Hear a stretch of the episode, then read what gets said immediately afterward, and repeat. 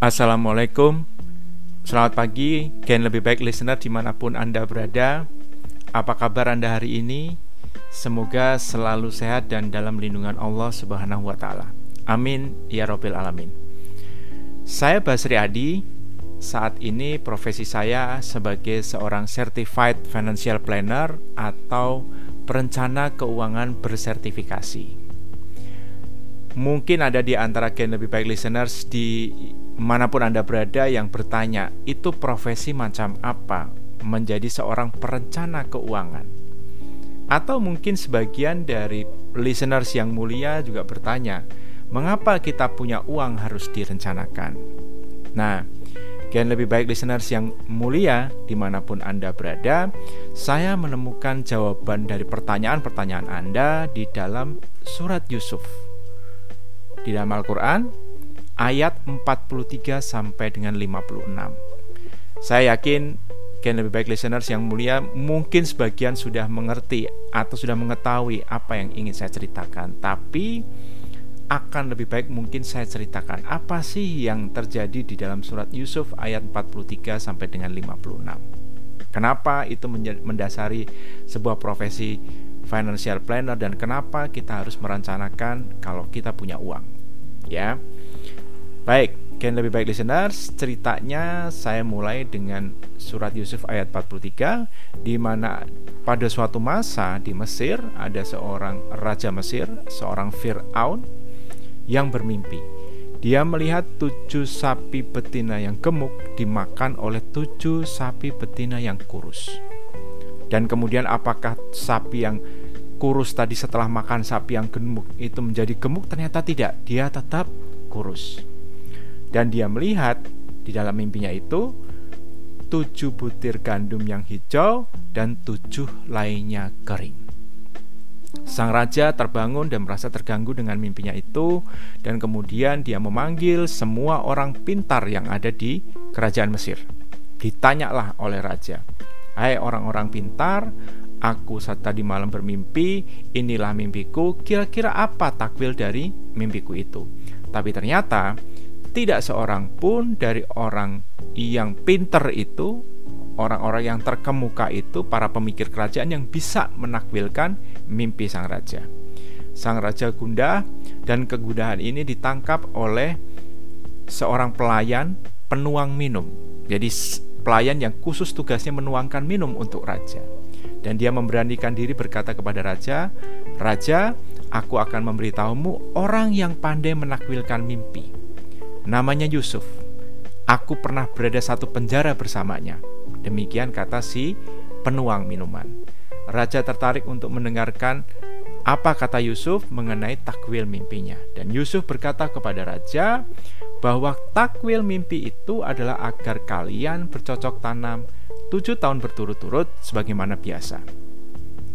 Maka yang kamu panen selama tujuh tahun berturut-turut itu hendaklah kamu simpan dan kamu biarkan di bulirnya agar tidak rusak kecuali sedikit untuk kamu makan. Jadi hasil panen selama tujuh tahun itu disuruh simpan, biarkan di dalam bulirnya, jangan dihabisin dimakan semua.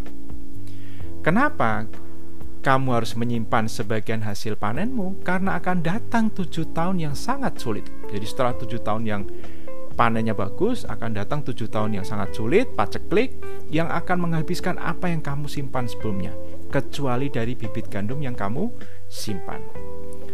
Kemudian kata Yusuf, setelah cobaan musim paceklik itu akan datang tahun di mana manusia diberi hujan dengan cukup dan Allah menghilangkan kesulitan dari mereka. Di masa itu mereka memeras anggur. Jadi simbol dari kesejahteraan adalah memeras anggur. Kalau kamu bisa melewati masa bahagia kemudian tujuh tahun paceklik. Setelah kamu bisa melewati semua, maka akan datang masa di mana kamu merasakan kesejahteraan. Gen lebih baik listeners yang mulia di mana pun Anda berada, maka itulah sebuah konsep perencanaan sumber daya pertama yang diberikan kepada kita. Diturunkan melalui Nabi Yusuf. Kalau zaman dulu mungkin belum ada uang. Sumber daya zaman dulu adalah gandum maka sebenarnya profesi seorang perencana keuangan itu sedang menjalankan profesi yang dulu dijalankan oleh Nabi Yusuf. Dan kita yang merencanakan sumber daya dengan baik adalah sedang menjalankan perintah yang sudah dicontohkan oleh Nabi Yusuf. Nah, pertanyaan berikutnya muncul. Oke, Pak Basri, saya mengerti mengenai konsep itu. Saya sadar akan baiknya konsep itu. Lalu bagaimana cara saya melaksanakan konsep itu? Maka kita bisa belajar dari para petani gandum. Jadi kalau tadi cerita mengenai Nabi Yusuf yang minta supaya disimpan itu gandum, kita akan belajar dari petani gandumnya. Apa sih sebenarnya yang dilakukan oleh petani gandum ketika mereka melakukan namanya proses perencanaan sumber daya?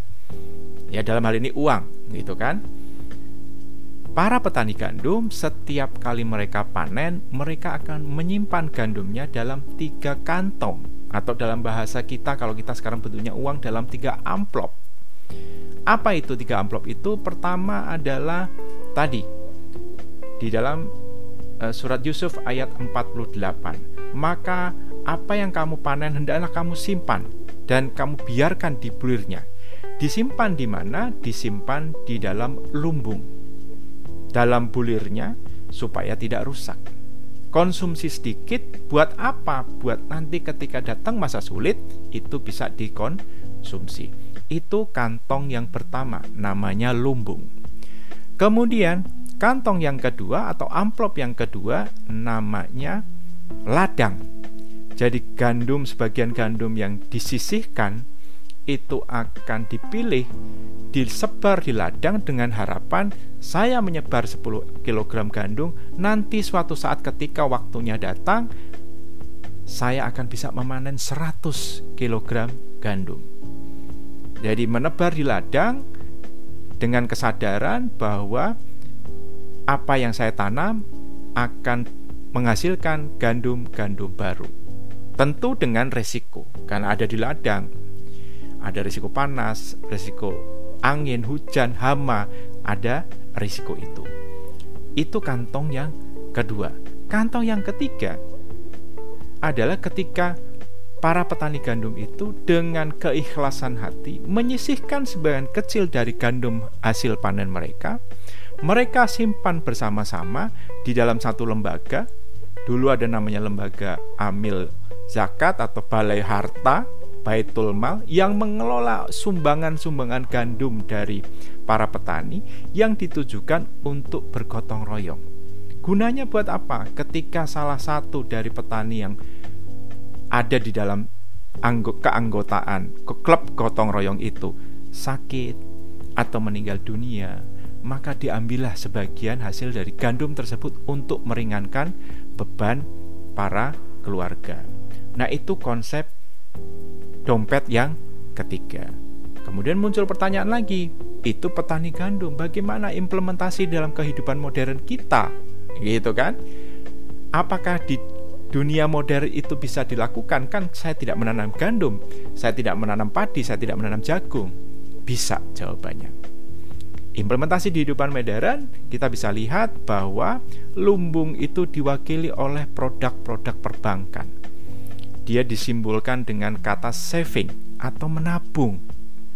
S, huruf S dari kata saving. Produk-produk perbankan memberikan rasa aman. Tapi kita tidak bisa berharap gandum atau jagung atau padi kita ketika kita simpan di lumbung atau uang kita simpan di bank itu bisa menjadi tumbuh tumbuhnya di mana supaya bisa dari 10 kilo menjadi 100 kilo dia harus disebar di ladang dan itu adalah produk-produk investasi jadi selain menyimpan kita harus juga mer melakukan investasi oke investasi itu ada dua kata kunci pertama dia waktu dia butuh waktu karena sebagaimana kita menanam gandum tidak bisa kita tanam hari ini besok kita panen dia butuh waktu sampai dia bisa panen dan yang kedua ada unsur risiko. Itu yang harus kita sadari. Jadi tidak bisa kita menghindarkan dari dua unsur tersebut. Saving, investment. Yang terakhir, tadi bergotong royong tadi.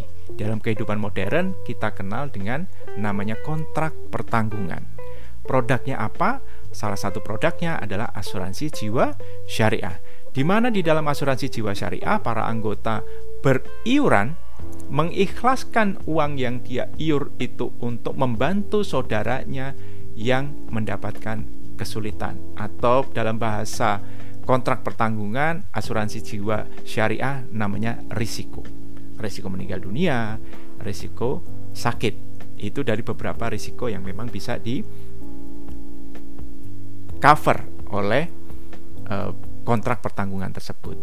Nah, Bapak Ibu, jadi para gen listener yang mulia di mana pun Anda berada, itulah konsep SIP sebagai implementasi apa yang sudah diajarkan oleh Nabi Yusuf yang mulia. Jadi, gen lebih baik listeners, hari ini kita belajar dari Nabi Yusuf, kita belajar dari petani gandum bahwa perencanaan keuangan itu sebenarnya sederhana. Dia punya S saving menyimpan, dia punya I untuk mengembangkan dan dia punya P untuk bergotong royong saring meringankan beban. Baik, Gen listeners yang mulia di mana pun Anda berada, sampai berjumpa lagi pada episode saya berikutnya. Tetap semangat, tetap optimis, tetap terus belajar karena belajar tidak ada batasnya. Di atas langit ada langit. Wassalamualaikum warahmatullahi wabarakatuh.